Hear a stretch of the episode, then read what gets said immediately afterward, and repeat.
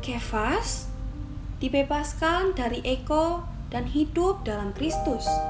Ayat Alkitab Galatia 2 ayat 20 mengatakan, Namun aku hidup, tetapi bukan lagi aku sendiri yang hidup, melainkan Kristus yang hidup di dalam aku. Hidup yang sekarang aku hidupi secara jasmani adalah hidup oleh iman dalam anak Allah yang telah mengasihi aku dan menyerahkan dirinya untuk aku.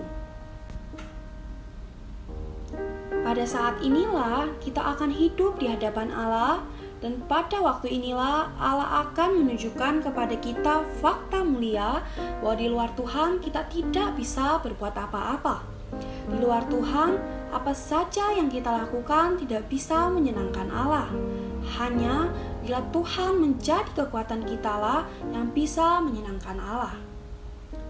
Allah akan membawa kita ke titik di mana kita menyadari bahwa kita tidak bisa terbebas dari ego. Dia juga akan menunjukkan kepada kita bahwa Kristus adalah kekuatan kita dan kuasa kita. Melalui proses yang demikianlah kekuatan kita habis dan melalui pengalaman yang demikian jugalah Allah menunjukkan kepada kita bahwa Kristus adalah kekuatan kita dan dia itu hidup dan penuh kuasa di dalam kita. Karena alasan ini kita bisa bersaksi bahwa bukan lagi aku, melainkan Kristus. Pada saat inilah kita akan memuji dan bersyukur kepada Tuhan dari dalam. Dan kita akan memberitahu Tuhan, Tuhan, Engkau adalah hayatku dan Engkau adalah kuasaku. Sobat Kefas, ini adalah kehidupan yang kudus dan menang dari seorang percaya.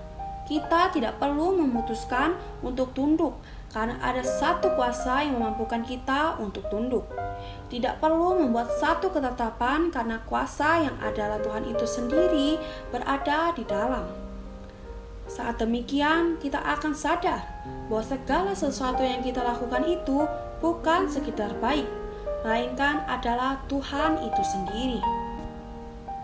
Terang hari ini, pertama, apakah kamu sudah dibebaskan dari ego?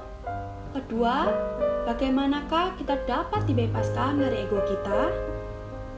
Poin doa, berdoa agar Tuhan melalui firman-Nya menjadi kekuatan dan ketundukan kita, agar tidak bersandar pada ego.